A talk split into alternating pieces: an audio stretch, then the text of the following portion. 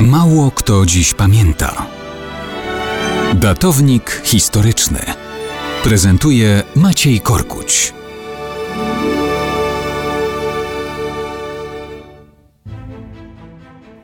Mało kto dziś pamięta, że 2 listopada 1925 roku, a więc równe 95 lat temu, w dzień zaduszny, odbyła się w Warszawie podniosła uroczystość pogrzeb nieznanego żołnierza.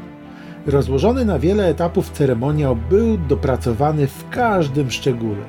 Dziś opowiemy o uroczystościach w Lwowie, bowiem najpierw z 15 pól walk o niepodległość wybrano jedno drogą losowania i właśnie padło na pobojowisko w obronie Lwowa z lat 1918-1919. 29 października rozpoczęła się ceremonia ekshumacji z kwater nieznanych poległych. Musiano mieć pewność, że to mogiła żołnierza polskiego. To nie było oczywiste.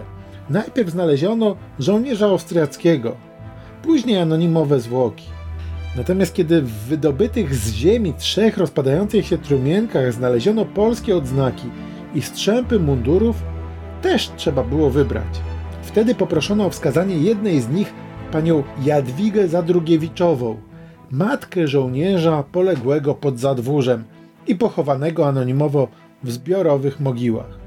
We wskazanej przez Zadrugiewiczową były szczątki żołnierza polskiego z resztką munduru i z czapką z orłem. Wszystko z szacunkiem i z pieczołowitością złożono do trzech nowych trumien. Starą, zniszczoną trumnę ze szczątkami żołnierza wprowadzono najpierw do trumny sosnowej, którą włożono do cynkowej, a tą, zalutowaną już, dopiero ostatecznie wprowadzono do trumny dębowej, zdobionej posrebrzanymi orłami.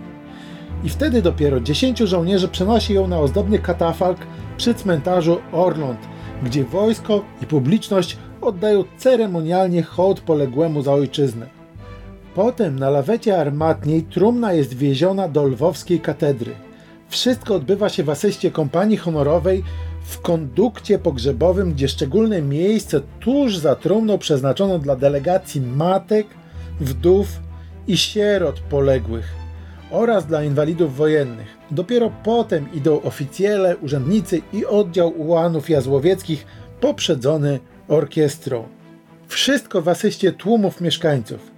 Katedrze lwowskiej trumna zostaje złożona na specjalnie zaprojektowanym katafalku. Tam przez całą noc honorową wartę trzyma dwóch oficerów, dwóch podoficerów i dwóch żołnierzy zmienianych co godzinę. Następnego dnia w równie uroczystym kondukcie wśród morza tłumów przy dźwiękach Mazurka Dąbrowskiego i huku armat trumna zostaje złożona do specjalnego wagonu w specjalnie przygotowanym pociągu. I tak 2 listopada o godzinie 6 rano szczątki nieznanego żołnierza przybyły do Warszawy.